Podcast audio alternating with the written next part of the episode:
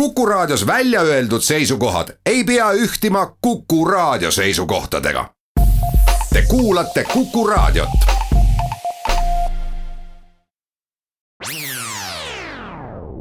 Restart.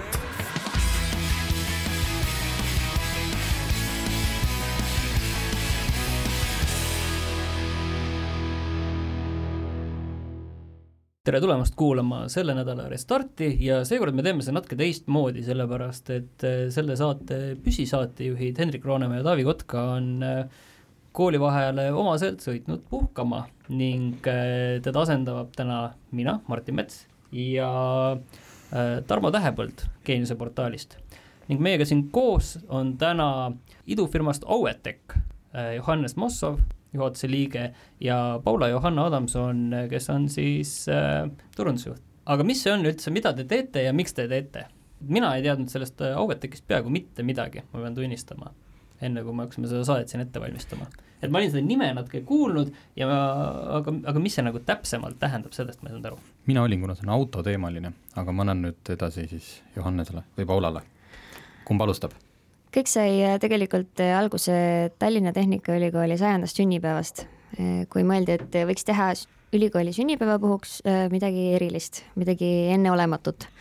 ja Väino Kaldaja käis välja idee, et võiks teha isesõitva auto.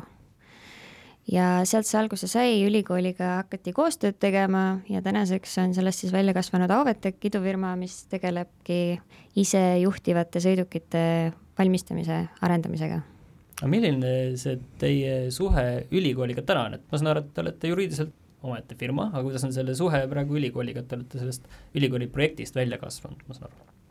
Äh, ülikooliga on äh, praegu tegelikult niimoodi, et äh, meil on siiamaani käimas üks Euroopa Liidu projekt, millega me ühiselt sees oleme. Ja, ja nüüd on asi rohkem niimoodi läinud, et ülikool omalt poolt ehitab välja oma tarkust autonoomsete sõidukite testimise ja valdkonnas ja, ja meie mõnes mõttes äh, teeme tänu sellele nendega siiamaani koostööd ja samuti ka, ja tellime nende käest ka mõned äh, arenduse või teadusarenduse tööd. aga kuidas äh, ta alustas, kas isejuhtivat sõidukit hakatakse arendama nullist, kas teie hakkasite nullist või võetakse ikkagi kuskilt mingi olemasolev platvorm, mingid vabavarad ja hakatakse seda parendama? Absoluutselt ei kujuta ette ka. kas hakatakse tegema üldse seda autot ja kere või hakatakse, hakatakse ikkagi pihta tarkvarast? ütleme nii, et eh, tavaliselt alustatakse, normaalsed inimesed alustavad niimoodi, et võtavad, eh, hakkavad tarkvara tegema, võtavad küll noh, tänapäeval juba kättesaadav mingid open source eh, alused ja hakkavad selle põhjal autonoomset sõidukit tegema tavalise igapäevase sõiduki põhjale, meie võtsime teistsuguse tee, et me nägime, et selline versioon ei, lihtsalt ei kajastu maailmas väga hästi ja, ja seetõttu me tahtsime, et sellel asjal oleks oma nägu, oma tegu ja oma välimuse ja tänu sellele tuligi just see mõte, et me teeme ta täiesti omamoodi. et omal ajal, kui me, või noh, kui me alustasime kaks ja pool aastat tagasi, ütleme, esimesed disainid, pildid tekkisid kaks aastat tagasi, siis, siis tegelikult see juhtumisi see suurus ja mõõt ja olemus, mis autol tekkis, see esiteks ta näeb armas välja ja teiseks tema kasutus tänu sellele on, on võrreldes ülejäänud maailma tegijatega praegu veidi teine ja, ja sellepärast me oleme ka seal maailmas natukene erilised ja teistsugused. kui suur see maailm on, et kuidas äh, võtta, et äh, kõik autofirmad või suuremad tegelevad sellega, aga kui palju on selliseid väiksemaid või, või natuke teistmoodi tegijaid, on see mingi selline blooming market Eestis on, ma saan aru, et äh, Bolt koos Tartu Ülikooliga teeb veel mingit isejuhtivat autot ja ma ei tea, kas rohkem on mingeid asju? jah, no see Tartu Ülikooli ja Bolti äh, teema on selles mõttes teistsugune, et nemad ei arenda päris oma autot, äh, vaid tarkvara. meie idee on siiski nagu algusest lõpuni ka see riistvaraline pool ja need tegijad üle maailma tegelikult on ikka, kes tegelevad selliste viimase miili äh, isesõitvate bussidega siis nii-öelda, aga meie nišš on siis äh, võib-olla natuke teistsugune, et me ei, äh, meil ei ole see sõitjate arv nii suur, see buss ei ole nii kohmakas ja nii suur. Ja see on nii, nii palju, kui praegu on tundunud, siis see on isegi kohati eeliseks tulnud, et ta on niisugune väike ja armas ja kompaktne. ma veidi parandan ka, et, et suuri autotootjasid tegelikult selles maailmas hetkel nii-öelda äritegevuses ei ole siiamaani, et pigem on need kas neil on osalus väiksematest ettevõtetest, et sellist suurt nii-öelda OEM tootjat nagu ma ei tea, Mercedes või BMW või või Jaapanist Toyota on ju, siis tegelikult nemad ei tee sellist arendust hetkel üldse. Niisugused väiksemad tegijad on. jah. aga sa ütlesid, et see buss, selle väiksus on nagu eelis, et äh, miks? sellepärast, et ta mahub teedele niimoodi, et kuna ta on äh, aeglane, ta sõidab väikestel kiirustel, ta on mõeldud sõitma niisugune kakskümmend kilomeetrit sinnakanti äh, tunnis, et temast on võimalik mööda sõita teel, et kui tavaliikluses on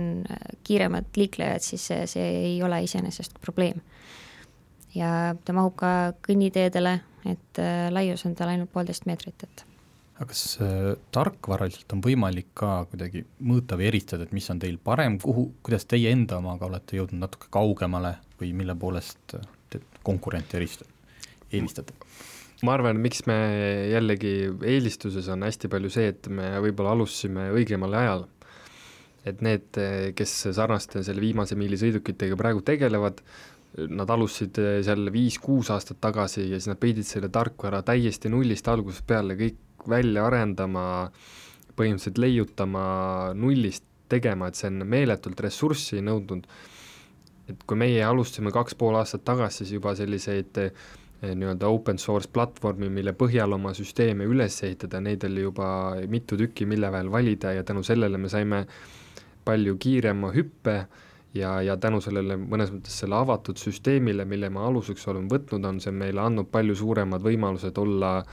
hästi kiiresti mingi asjaga kaasa tuli, et kui keegi tuleb uue sensoorika või seadmetega, siis keegi maailmas on selle esimese nii-öelda kontakti selle süsteemiga ära teinud ja, ja sealt edasi juba midagi välja ehitada on palju lihtsam. Teil üks, üks buss, ma saan aru, et siin Eestis äh, sõidab loomaaias? Jah, praegu on meil äh, loomaaias käimas siis niisugune äh, testperiood, et loomaaed on meie jaoks selline hästi sobiv ala, see on kinnine ala, ta on küllaltki suur ja seal kedagi ei häiri, kui me väikestel kiirustel seal sõidame ja katsetame. Ja praegu on siis äh, eelmise aasta lõpust oleme nüüd äh, seal nii-öelda natukene maad katsunud ja aprillis ilmselt siis äh, tekib mõnel külastajal ka võimalus isesõitva bussiga ka võib-olla sõita. et selle testimise käigus on ka kindlasti meile hea tagasiside. mul on kohe kaks küsimust, et kas bussis praegu sõidab ka seal täiesti ise või on seal keegi, kes kontrollib olukorda? bussis on praegu meil operaator. ja sa enne rääkisid, et äh, see buss äh, sobib väga hästi ka äh, teedele, et on selle kitsas, aga samas on ju, te testite seda seal loomaaia kinnisel territooriumil, kuidas te nagu tulevikus näete, et see, on see nagu mõeldud niiviisi ka tavaliiklusesse see auto või on ta pigem selliste mingite suuremate alade, näitusehallide, lõbustusparkide, ma ei tea, selliste asjade teenindamiseks? tegelikult on see, et me praegu spekuleerime ja üritame leida eh, just selle sõiduki jaoks kõige paremat keskkonda, kus ta kõige paremini sobiks ja võib-olla ka tulevikus oleks reaalselt olemas klient, kes selle asja eest on võimeline ja nõus maksma. ja, ja seetõttu on need alad, me oleme praegu mõelnud, et need võiksid toimida ja, ja kõik pärast nii-öelda esimest reaalset füüsilist opereerimist, kus inimesed saavad igapäevaselt kasutada, tuleb see alles päriselt välja ja selle operaatori küsimusele veel lisaks, et see operaator, kes meil autos on, on põhimõtteliselt eh, niisugune punase nupuga mees, kes eh, kui auto teeb mingi lolluse, siis, siis ta on võimeline see nuppu vajutama, auto koheselt peatuma. Ja kui asi ka täiesti viltu on, siis vajadusel võtma lihtsalt sahtlist puldi ja, ja auto liigutama teise kohta või eest ära, et see on ka tegelikult see maailm, mis hakkab just äh, sinnapoole liikuma, et et see operaator saada sellest autost välja eh, kuskile eraldi oma keskkonda ja see üks operaator suudaks eh, opereerida mitut autot korraga, et mõnes mõttes on see sarnane äh, nagu Starship toimetab. ma just mõtlesin, et Starshipil on vist niiviisi, et üks operaator äh, opereerib vist tegelikult korraga mitut äh, seda ja. väikest äh,, seda kullerobotit. jah, ja, ja, ja tegelikult nii, nii peakski ta olema, et alles seal hetkel tekib see äh, nii-öelda kõrgem äriline eesmärk ja, ja see on meie üks suurimaid eesmärke praegu ka selle aasta sees, et selline süsteem saada käima, aga see tähendab jällegi vähemalt mõnekuist konkreetset katsetamist ja, ja alles siis saada siis nii-öelda see inimene, nii-öelda turvainimene autost välja. aga see tähendab teistpidi ka seda, et neid autosid peaks olema ju rohkem? jaa, et seda me teeme ka, et praegu eh, on eh, üks eh, Euroopa projekt Fabulous, kus me oleme siis Tallinna Tehnikaülikooli ja Modern Mobility'ga oleme ühes konsortsiumis ja, ja seal meil on suvel Ülemiste City's on siis sõit ja seal me ka seda asja nii-öelda demonstreerime, kus on kaugjuhtimisruum, on kaks kuni kolm sõidukit ja siis kaugjuhtimisruum siis opereerib mitut autot korraga ja aga lihtsalt kuna see on selline eh, esimest korda tehtav selline projekt, siis, eh, siis ikkagi jääb igasse autosse sellel perioodi vältel eh, turvainimene, kes jälgib kogu sõitu. kas selle kaugjuhtimise, ütleme, mis need peamised probleemid on, kas võrgukiirus on tänapäeval probleem veel? kas see müstiline 5G päästaks meid? Meid, meil ei ole vahet, selles mõttes, et et need kiirused, mis me oleme kuni kakskümmend viis kilomeetrit tunnis, et seal kiirustel meie hetke internetikiirustega saame hästi hakkama. ja pigem on nagu asi see, et, et isegi kui oleks see 5G ja suurepärane eh, internetikiirus, siis äh, ikkagi, kui sa lähed seal üle viiekümne kilomeetri tunnis, siis siis me partnerite kogemustest, kogemusest oleme aru saanud, et et see ei tee ikkagi asja paremaks ja, ja põhiline asi, mis nad ütlevad, mis jääb puudu, on see tagumikutunnetus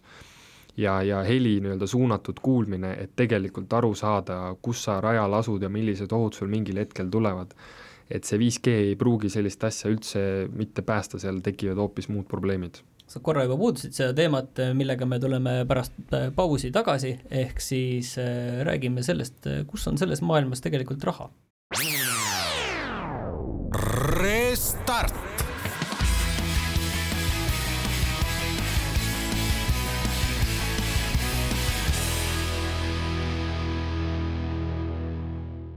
Restart on tagasi, äh, saatejuhtideks äh, Tarmo Tähepõld ja Martin Mets ning külalisteks äh, Johannes Mossov ja Paula Johanna Adamson idufirmast Auetech.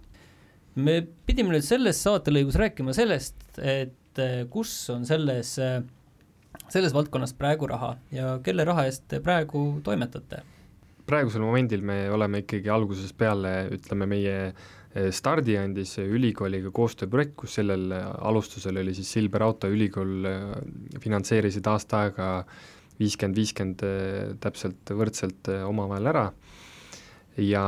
pärast seda on ikkagi suurelt meie nii-öelda ingelinvestori baasil see asi käinud, et üritame vaikselt saada ennast üles lüüa ja teha oma nii-öelda kindlus oma, oma süsteemides ja, ja alles siis, siis äh, liigume edasi ka sinnapoole, et äh, vaadata teiste investorite suunas, et praegu oleme suhteliselt paikselt oma, oma tegevusega selles mõttes. et praegu kohe te uut äh, investeerimisraundi peale ei otsi? hetkel kohe ajaliselt planeeritud ei, ei ole, jah aga kas Aueteki põhimõtteliselt saab startup'iks nimetada, et te otsite praegult seda täpset ärimudelit, proovite üht, vaatate, kaalute, arendate ütleme standardselt, standardsest eh, startup'ist eh, ma arvan, et asi kaugel, et eh, minu jaoks standardne startup on neli inimest tulevad käed taskus kokku ja, ja mõtlevad, et teevad, võtavad arvutid kätte ja, ja nädala aja pärast on paberi peale nii-öelda maailmavaade kokku andnud ja minnakse seda asja esitlema, et ütleme, selline esialgne start oli ikkagi väiksemas ringis inimeste välja toodud mõtted ja, ja rahastused ja, ja sellega see asi käima pandud, et et eh, jah, selles mõttes on ta natuke teistmoodi. enne jäi üldse küsimata, et palju teil praegu on eh, töötajaid? no inimesi, ärme siis võta palgalehel, vaid võtame, ütleme, kui suurt seltskonda te nagu peate ütleme, hakkab vist kolmekümne ligi väikselt jõudma või kahekümne viie kanti, sinna, sinnamaale kuskil peaks olema. siis enam tõesti ei ole idufirma, kui on selline seltskond koos no,. Bolt on ka veel idufirma jutu järgi, aga aga kus on selles ma maailmas raha, et me natukene just puudutasime seda, et kas sellised äh, loomaaia tüüpi äh, asjad võiksid olla ühed sellised ettevõtted, kes maksavad kokkuvõttes nende sellise mugavusteenuse, sõnastame, ma saan aru, et loomaaiast on praegu ikkagi selline mugavusteenus, et saad äh, rahulikult sõita loomaaia ühest otsast teise, ei pea seal kõmpima, et kes, kus see raha on? ma arvan, et praegu on, praegusel momendil on raha selles mõttes vales kohas sellele kogu äril, et et üle maailma, kui neid asju praegu tehtud on, siis on suure tõenäosusega olnud kas suure toetusega projekt, kas valitsuse või, või riigi või, või mis iganes poolt, ja teiseks on see, et ta on hästi hea niisugune reklaamobjekt, et näidata ennast kui tuleviku ja vägeva, vägeva süsteemina kuskile muule asjale juurde lisatud, kas linnale, ma ei tea, vanadekodu, loomaaiale, mis iganes kohale, on ju, et, et pigem sellega kutsuda inimesi enda juurde eh, nii-öelda puhtalt reklaami eesmärgil, et ja see nagu promotrikk vist Eestis, et on ka ju olnud sellised buss, nagu oli see jah, Euroopa Liidu ees, jah, Euroopa Liidu eesistumise ajal oli ka üks seal, sõitis ju ringi. jah, täpselt, et et sellisena, et ta nüüd raha oleks selles kohas, kus ta tulevikus hakkaks raha tooma, seda ei ole veel minu arust eh, korralikult veel läbi tehtud ja, ja see ongi puhtalt sellepärast, et et niikaua, kuni seal on eh, see operaator autos loksub kaasas, on ju, siis, siis raha sisse ta ei too, sellepärast et kas sul on rohkem kõrgemalt haritud operaator, kes teab midagi kõrgtehnoloogilisest seadmest ja igas autos on üks selline inimene või siis on üks kaubikejuht, kes inimesi edasi-tagasi veab, et niikaua, kuni seda muutust ei ole, siis, siis ta on ikkagi katsetus ja, ja niisugune reklaam, reklaamäri. samamoodi ma saan aru, ega Uberil ja, ja Boltil on see samamoodi selline äh, siiani olnud selline reklaami business, et eh, me arendame isejuhtivat autot ja, ja lihtsalt, et see on investoritele tore asi, mida näidata, aga, aga mis selle väärtus täna nagu tegelikult on, see on selline noh, võiks öelda, et natuke kaheldav. kui palju saab seda ütleme, seda bussi, mis teil on, et või edasi, kui te tulevikku liigute, et kas ta nagu rohkem riistvara või tarkvara või te, te ei võta neid lahus, et, et peate mingi hetk mingi suuna valima? Või see käibki koos? no ütleme, praegusel momendil ta käib hästi palju koos, aga eh, mine tea, et tulevikus võib juhtuda näiteks selline moment, et keegi müübki sulle komplektina väga head autonoomset tarkvara ja, ja mis tükina tõstad füüsilise auto külge, või siis vastupidi, keegi teeb väga head füüsilist odavat autot, millega meie tarkvara peale tõsta, et eh, praegusel momendil ikkagi me võtame kogu jõu selle peale, et ta on ühtne komplekt, aga ütleme, viie-kümne kilomeetri või küm-, kilomeetri vaates, viiekümne aasta vaates võib see tegelikult täiesti muutuda. aga kas see enda, enda päris auto ise tegemine, kas see nagu ei ole üks väga kallis lõbu, et mida, mida teha, et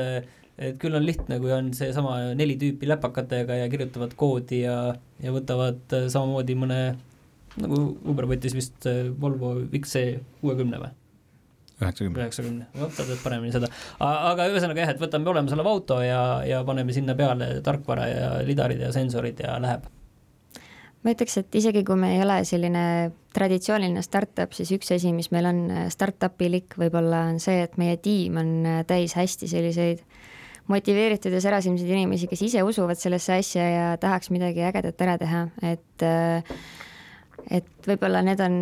need asjad, mis meid täna nagu juhivad ja mille peale me üritame mõelda, et, et, et äkki kunagi saaks sellest tõesti midagi suurt ja vägevat. no isegi näide on see, et sa lähed koostööpartneri juurde ja, ja sa küsid ta käest ka, et mis su motivatsioon on, kas te tahate nagu head raha selle töö eest saata, mis me teie käest palume või midagi muud ja siis vaadatakse sulle üle laua otsa, ütles, et ei, me tahaks lihtsalt väga, et see asi ülihästi autonoomselt sõidaks nii, aga me oleme rääkinud isejuhtivast bussist, aga mida tehti koos TalTechiga siiani, aga nüüd on ka üks projekt Tartu Ülikooliga käima läinud, kus on teine väga tänapäeval levinud märksõna, vesinikkütus. kui palju sellest rääkida saate või oskate, et äh, mis te seal siis teete? tegelikult on see sellega seotud, et et praegu meie sõiduk on, on seotud tavalise liitiumioonakudega ja, ja nende probleemiks on tegelikult see, et nende laadimine on suhteliselt aeglane Äh, see on suhteliselt kallis ja keeruline tehnoloogia, ütleme, no toome näiteks, et Tesla on siin, siin aastaid meeletult investeerinud seda, et oma akut ülihästi äh, nii-öelda kontrollida, jälgida, et ta kestaks kaua, oleks efektiivne ja nii edasi. ja, ja meie sõiduki jaoks praegu, kui me suudame opereerida järjest kaheksa tundi äh, tavaliste liitiumioonakudega, siis kui me näiteks paneme sinna järgi puhtalt elektri peal töötava konditsioneeri või soojenduse, siis me võime selle saada kuue tunni peale, mis juba vähendab meie sõiduaega päris kõvasti. ja selle jaoks, et nüüd opereerida näiteks oletame mingis rajoonis, kus on vaja reaalselt et hommikust õhtuni opereerida, see tähendab, meil peaks olema kogu aeg üks ekstra sõiduk, mis vahepeal seisab ja laeb, et rotatsiooniga sõidukid oled kogu aeg valmis. et ühesõnaga iga hetk, kui auto seisab, siis see on kahju tegelikult? jah, ja, ja, ja selle tõttu ongi praegu me oleme näinud, et selleks on, on kaks lahendust. üks lahendus on olnud vesiniku lahendus ja teiseks on superkondensaatori lahendus Eh, vesinikulahendus on lihtne, et seal on, tangid sa kiiresti vesinikku, sõidad omal seal mõned tunnid ära või, või isegi terve päeva suure paagiga ja siis tangid juurde ja võid kohe juurde sõita. Eh, ja, ja mõnes mõttes on ka sarnane superkondensaatorite süsteem, kus sa saad eh, reaalselt laadida autot mõnekümne sekundiga ja sõita kohe edasi, sul on selle jagu muidugi sõiduulatus on väiksem, aga jällegi meie sõiduk selles mõttes sobib ideaalselt, et eh, meie tavaline niisugune ringi sõitmise trass on seal kaks, kaks-kolm kilomeetrit ja see on ideaalne, kui sul selle trassi peal on üks laadimispunkt, kus sa teedki ringi ära, sul jääb mõnikümmend protsenti kondensaatoritesse varu ja laed seal mõnekümne sekundiga täis tavalises peatuses ja lähed kohe edasi. et lihtsalt saada pidevat sõitu ilma nii-öelda tavalise autoressursiga, mis lihtsalt seisab ja laeb ja ootab, millal saaks uuesti edasi sõita. kas siis käib paralleelselt kaks projekti, et kondekad ja superkondensaatorid ja vesinik? jah, et äh, see Tartu Ülikooliga koostöös projekt sai just avalöögi ja seda on oodata siis järgmise aasta jooksul ja Skeletoniga on meil käimas ka siis see superkondensaatorite projekt ja see buss on meil pea-pea äh, valmimas kumb see tehnoloogia on nagu äh, selline tulevikukindlam või on lihtsalt see erinevate kasutusjuhtude küsimus, et see samangi, et kui on see paarikilomeetrine ring, siis on lihtsalt see super, superkondensaator mõistlikum? jah, see täitsa oleneb kohast, et et kui on näiteks mõni koht, kus tõesti seda ringreisi on üle kahe kilomeetri ja pikad trassid, asjad on ju, seal võib, töötab vesinik parem, kindlasti ringliikumises kondensaator paremini Eh, võib-olla noh, osades riikides on vesinik on veidi populaarsem, selle tootmine ja, ja kättesaadavus on palju parem, seal jällegi vesinik töötab paremini, et see, see täiesti oleneb, eh, kus kohta minna. aga ma korra nüüd lähen selle teemaga natuke jalutama, et et see vesinik on siin minu jaoks just huvitav, et vesiniku kütusena on ju autodes, seda on ju arendatud juba, kui ma ei eksi, siis aastakümneid mm. -hmm. et miks me sellega nagu kuskile jõudnud ei ole selle aja jooksul, kui see nii hea on? ma arvan, et praegu on asi takerdunud äh, lihtsalt äh, äh, selle taha, et selle tootmine on olnud suhteliselt vaevarikas praegu ja kättesaadavus on väga väike, et et elektriautoga on selles mõttes lihtsam turule tulla, et sul on tavaliselt pistikus saad need elektronid omal kätte, on ju, aga, aga vesiniku sa nii lihtsalt käe, kätte ei saa, et, et selle tõttu see on niisugune aeglaselt liikuv protsess, aga, aga siiski kui me võtame nüüd nüüd ühe energia ja teise energia miinused ja plussid, on ju, siis see on põhimõtteliselt sama nagu meil, et kui sa võtad nüüd pikamaa trassid ja sõidud, siis akude pealt see laadimine ja, ja asi nii-öelda massina, mis nad akude mõistes peavad kaasas kandma, on niivõrd suur, et võib-olla on mõistlikum võtta üks, üks vesinikusüsteemil äh, toimiv sõiduk ja iga ma ei tea, tuhande, kahe tuhande kilomeetri tagant veoautol seda tankida, et on äkki mõistlikum, et see on jällegi niisugune protsessi teema et see jõuab kindlasti üks hetk kohale. aga kas see vesinik üks hetk need, seal need äh, elektriautod suretab ka välja? ei, selles, see on ka jah, täpselt see, et et võib juhtuda see, et see pikamaa sõiduk on vesiniku peal ja lühimaa nii-öelda sõidukid, mis on linnas või, või väiksemad trassid, igapäevased sõidud, kus inimene tööle koju käib, siis võib aku, akuga sõiduk olla, olla kordades parem, et ma ei usu, et ta välja suretab, et see ei ole jah nii. aga mis selle vesiniku hind üldse on, et äh, võrreldes teiste kütuseliikidega praegu? ütleme, see hinnavahe Eh, nii-öelda autosse tankidesse võib-olla nii suur ei ole, aga pigem on hästi suur praegu niisugune veel niisugune riistvaraline hind, et et see kogus, mis neid vesiniku elemente ja nii-öelda seda kogu süsteemi käitab, võib-olla ei ole lihtsalt veel nii eh, tavapärases suures tootmises olnud, et selle hind on kõrgem ja pluss veel tal on päris palju niisuguseid haruldasi materjali sees, mis, mis teevad ka ta praegu suhteliselt kalliks aga nüüd äh, koostöös Tartu Ülikooliga, et millele te keskendute või mis, äh, mis see teie roll ja Tartu Ülikooli roll siis on, et vesinik on leiutatud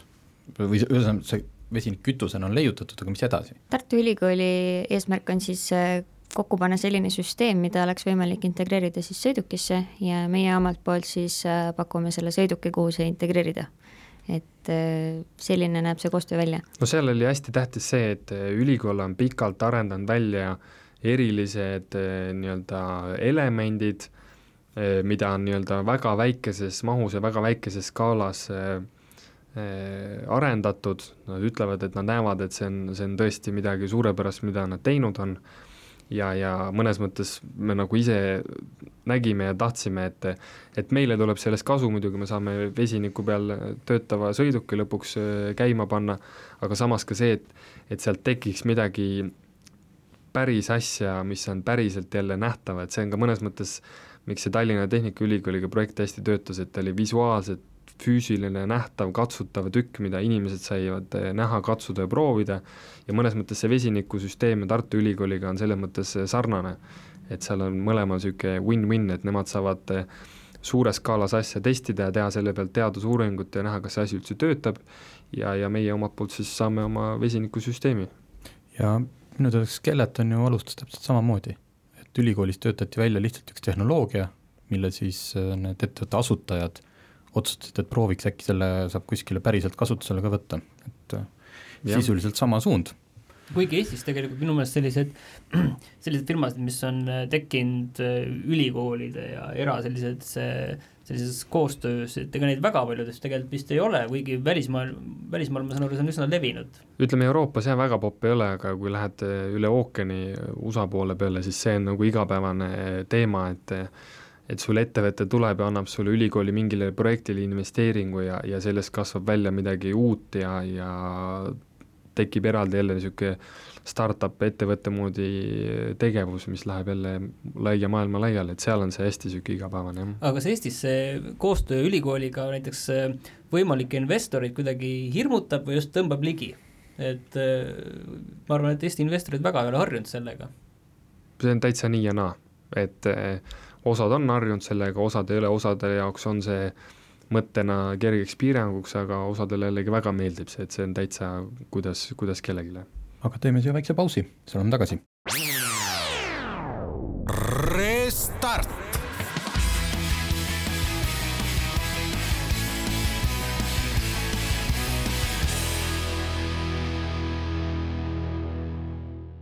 Restart on eetris tagasi, saatejuhtideks äh, Tarmo Tähepõld ja Martin Mets äh, Geenius uudisteportaalist ning äh, külas on meil Johannes Mossov ja Paula-Johanna Adamson Auetekist. nii, aga tekkis küsimus, et kas meil Eestis toodetakse autosid, kust te toodate neid? tahaks näha Eesti autotööstust see mõnes mõttes on ka jah, see on tegelikult huvitav küsimus, et kui me ju asjaga alustasime, siis võtsime seltskonna kokku ja siis mõtlesime, et hakkame autot ehitama, et kelle käest abi küsida, siis siis saime hästi kiirelt aru, et keegi kompleksset autot ei, ei tee. Mõnes mõttes sellel ajal oli meil alustuseks hästi hea tugi, oli see, et meil olime siis veel koos nii-öelda Silvia autoehitusega, kelle poolt meil oli tegelikult hästi palju kogemust see, et mismoodi on käinud kiirabi, politseiautode, igasuguste taksobusside, erisõidukite ehitamine, et mõnes mõttes see taust tuli sealt, aga hästi paljude asjadega me pidime jälle hakkama nullist pihta ja leiutama. Ja, ja oma asjadega me olimegi algusest peale tegelikult toimetanud neid tänast silmas, siin Tallinnas laagri külje all. Ja, ja kõik sõidukid hetkel valmivad äh, seal kohapeal, kaasa arvatud kõik äh, disain on koha peal, äh, kõikide nii-öelda vormitavate detailide vormid, kerepaneelid, asjad, et kõik tulevad sealt. Ja noh, muidugi kasutame ka nii-öelda allhankena, allhankena töid, aga ka suurem osa jah, pannakse seal kokku ja tehakse minul tekkis tegelikult lihtsalt see küsimus, et siin Eesti firmadel on natukene seda probleemi, et järsku nad avastavad, et kuskil näiteks Hiinas on samasugune toode kohe varsti pärast seda olemas, kui nad on enda oma esitlenud siin, see oli Eesti ühel paki, pakiroboti tootjal oli see ka. jah, Cleveronil, jah. Cleveronil ja, ja tegelikult Starshipil oli ka sarnane asi, kas teie sellist asja ei karda? et üks hetk see samasugune buss kuskil mujal veereb ringi see on jälle niisugune huvitav konkurentsi teema, aga no natukene, kui me võtame Aasia poolt, siis minu jaoks on hästi hea näide on hiinlaste mõnes mõttes erinevus nii-öelda lääne ühiskonnaga on see, et, et kui meie oma sõidukitega oleme, üritame järjest rohkem liikuda sinnapoole, nad oleksid iseseisvamad, saaksid ise hakkama, oleksid võimalikult autonoomsed igas keskkonnas ja seda äh, võimalusel tulevikus arendusega, et kuskil vanalinnas, kitsastel tänavatel, võib-olla sellises keskkonnas, kus nad absoluutselt hetkel hästi ei toimeta, aga tehakse meeletu arendus, et nad toimetaksid seal, siis siis Aasias meeldib väga ehitada terveid linnu ja, ja alasid ümber selle jaoks, et nad sobiksid autonoomsetele sõidukitele. et mõnes mõttes on jälle see skoop on erinev ja üldse niisugune konkurentsi pool, kui me võtame, siis, siis eelmise sajandi alguses autotootjaid oli, oli, võis olla niimoodi, et ka ühes linnas, näiteks Detroitis oli ühes linnas võis olla sul viiskümmend autotootjat ja lõpuks nad äh, läksid rohkem kokku ja kokku ja kokku ja üleostmise asju, et, et ma arvan, et see, see otse, see ärisuund võib-olla võib ka mingil hetkel muutuda sedamoodi, et see, see tootmismaht, mis hetkel igal firmal on, on tegelikult suhteliselt väiksed ja, ja nad mahuvad siia maailma hetkel ilusti ära aga kui me rääkisime, et äh, lähiaja plaan on äh, Tartu Ülikool, vesinik, Skeleton, siis mis, ma ütlen, keskpikk plaan on, et mis sealt edasi, kuhu te vaatate? ma ütleks, et me praegu vaatame väga laia, laiali ringi, et äh, kindlalt nagu väga kitsast sihti meil ei ole, aga mille peale me oleme mõelnud, on see, et olenevalt siis sellest, kuhu see buss ideaalsemalt sobida võiks tulevikus, võiks tal olla ka selline modulaarne kere, mida saab siis äh, vastavalt äh, kasutusalale või vastavalt siis kliendile äh, või kohale, kus ta opereerib, siis ka muuta, et näiteks USA-s on golfikärud hästi, hästi popula-, populaarsed. Ja meie auto on juhtumisi, mahub sinna golfikäru klassi kaalult ja et miks mitte võiks ta olla pealt siis nagu lahtine, selline golfikärulaadne asi või siis äh, sama hästi võib temast saada ju ka äh, pakiveo jaoks mõeldud selline suurem, mitte küll pakirobot siis nii-öelda see pisike, vaid natuke suurem, selline pakiveobuss või siis rohkem nagu diivanit aitab vedada. noh, näiteks, et, et, et me üritame jah, mõelda sinnapoole, et oleks selline võimalikult paindlik lahendus, et me ei paneks väga kitsastesse raamidesse teda. Jah, et praegu me üritame hästi palju rõhku panna just selle inimeste veo peale, aga noh, seal lihtsalt me näeme, et seal võib tekkida moment, kus see võib-olla see inimeste vedu ei ole nii kasumlik ja, ja hea äri, et et kuna see auto juba füüsiliselt tükk on olemas ja, ja sõidab autonoomselt hästi, no siis me peame nagu kõik võimalused eh, hoidma avatuna. et see inimeste veo juures on võib-olla see jah, et eh, praegu teil vist see buss sõitis kakskümmend viis kilomeetrit tunnis et inimesed võib-olla tahaks natuke kiiremini liikuda, et, et millal need kiirused tõusevad, et ilmselt need ju tõusevad ühel hetkel? ilmselt mitte. miks et..., kuidas see võimalik ütleme, meie sõidukil meil ei ole mõtet seda kiirust tõsta, sellepärast et sellise kiiruse ala sees on neid kohti maailmas, kus sõita ma ei tea, sadu tuhandeid reaalselt füüsilisi kohti, kus nad sobiksid, on ju, meie, ma arvan, et me ei hakka sellest kiirust üle minema, see on juba nii-öelda äh, suurautotootjate teema ja meie sinna konnatiiki ei taha ronida. Martin, need on kõik need linnakeskused, mis innovaatilised linnad kinni panevad sõidukitele, kus siis hakkavad liikuma isejuhtivad autod. ja kusjuures, mida on äh, näha ka, on see, et nii palju, kui meil inimesi sõitmas käib, siis äh, tegelikult see kiirus on selline, et äh, see operaator kohati seal bussis ei ole mitte ainult nupu vajutamiseks, vaid ta on selline tugiisik, kes võib-olla, et kui seda inimest seal bussis ei oleks, siis äh, võib-olla inimesi alguses ehmataks ära see autonoomne sõitmine, et see on niisugune,